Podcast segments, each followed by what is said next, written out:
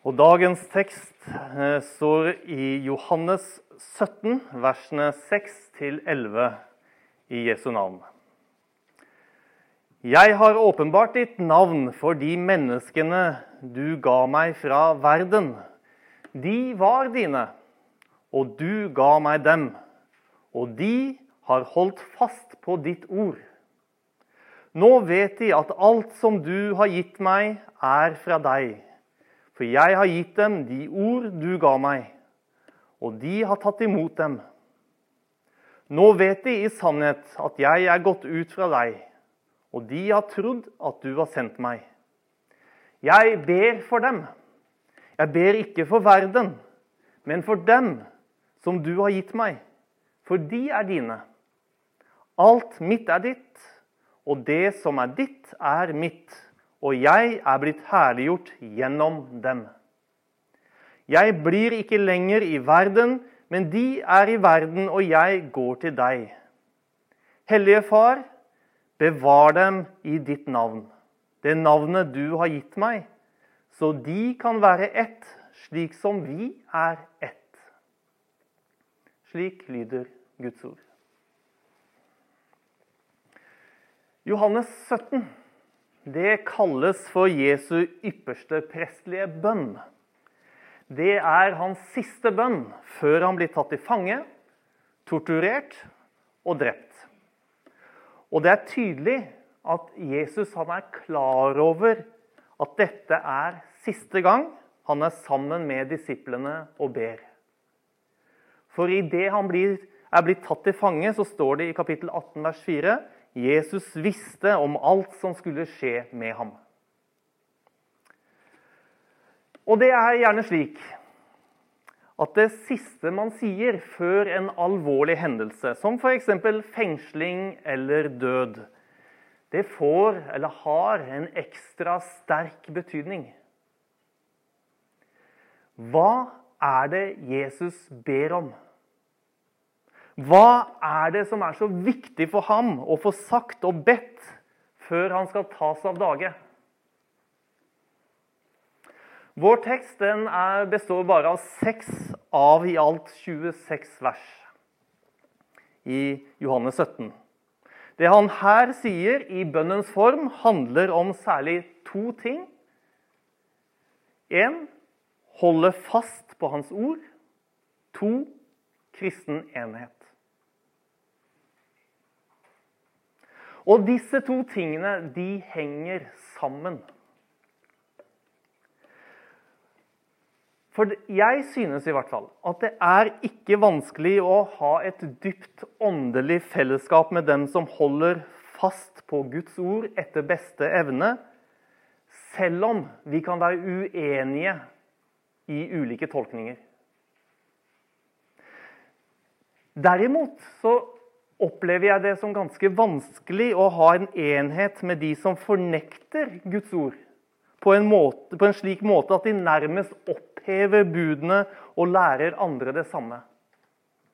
Og da kommer vi straks til Jesu forståelse av seg selv og hans oppgave, slik han sier det i Matteus 5.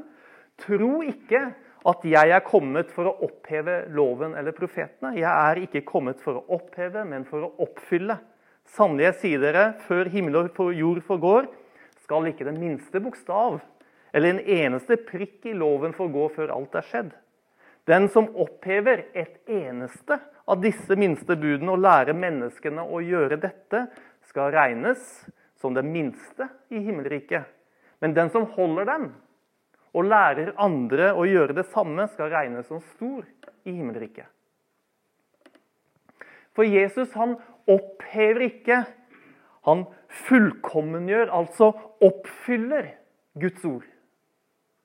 Og hans vilje er ikke at vi heller opphever dem, men at vi holder dem og lærer dette videre. Det er å holde fast på Jesu ord, slik som han ber i sin bønn. Det fins to måter å være kristen på. Begge består i å høre Jesu ord. Men bare den ene handler etter dem. Det er sistnevnte måte Jesus kaller å bygge sitt hus på fjell. Du vet det huset som tåler både regn, vind og flom uten å falle sammen. Det står støtt. Nettopp fordi det å høre og gjøre er å være helstøpt. Å bare høre uten å gjøre, det er en svak grunn å bygge på. Det huset faller under vanskelige tider, og fallet er stort, sier Jesus. Mennesker som søker Guds ord og handler på det, de finner hverandre.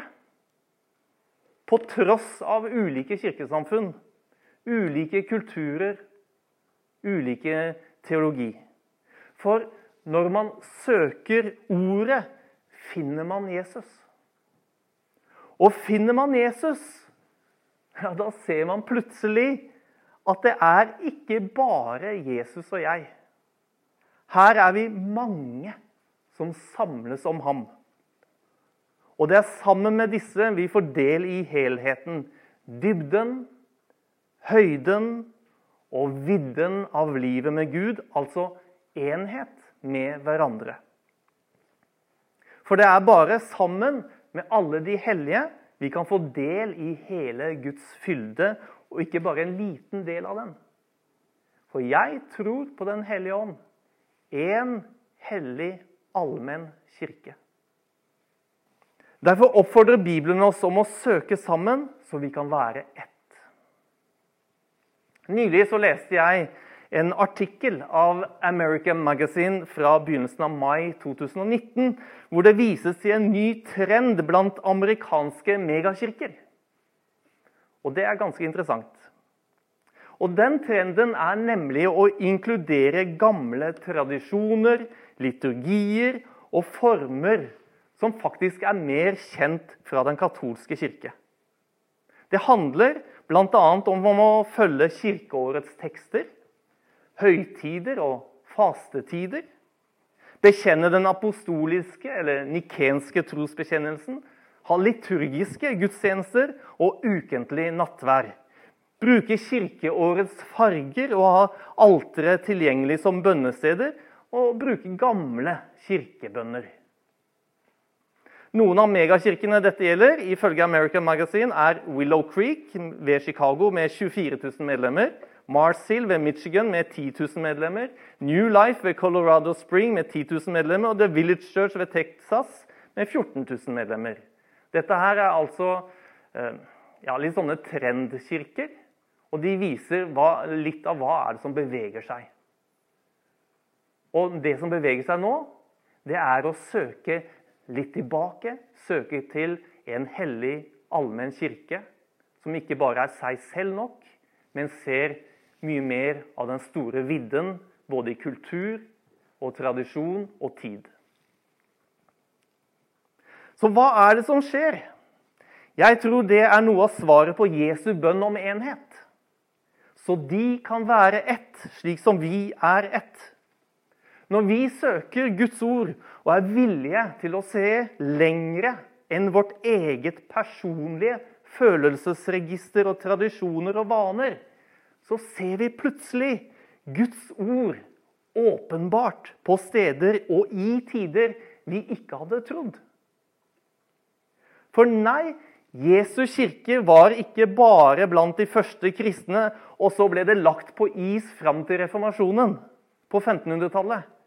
Kristne har faktisk samlet seg om Jesus og hans ord på alle steder og i alle grener av kristenheten og til alle tider. Og Det gjør at jeg er ganske stolt av at vi huser den etiopisk-ortodokse menighet her i byen. For det er en, en, tradisjon som er veldig fremmed for oss. Vi har også teologi som er ganske fremmed for oss. Men det er en kirke som ble stiftet før 300-tallet i Etiopia og har holdt sin tradisjon og eh, en utvikling fra den tiden. Ganske direkte fra urkirken.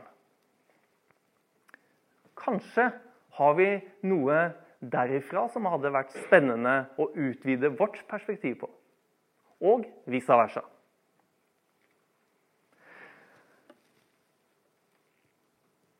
Hvis jeg er ett med noe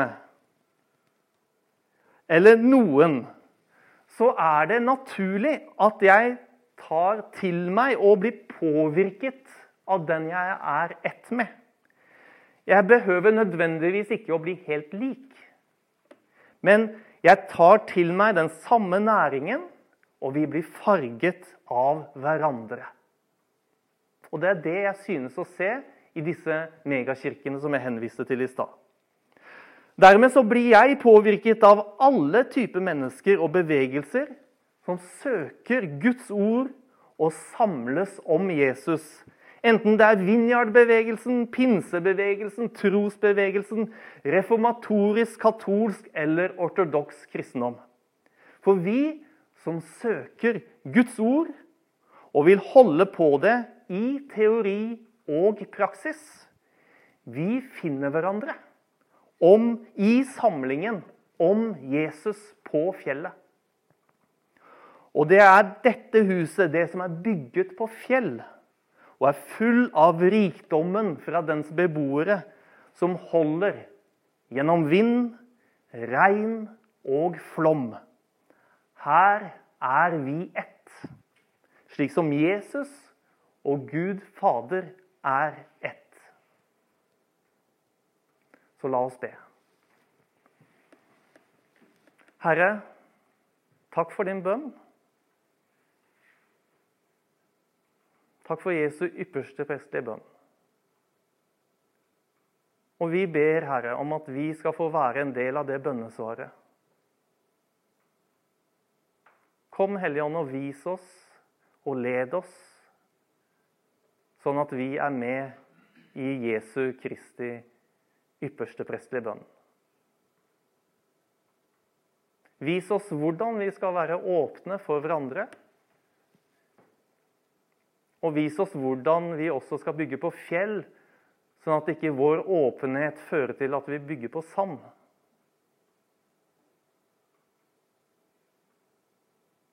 Og takk, Herre, for at vi tror på Den hellige ånd. For det er bare du som kan skape og skaper en hellig allmenn kirke. Fortsett med ditt verk, Hellige ånd. Amen.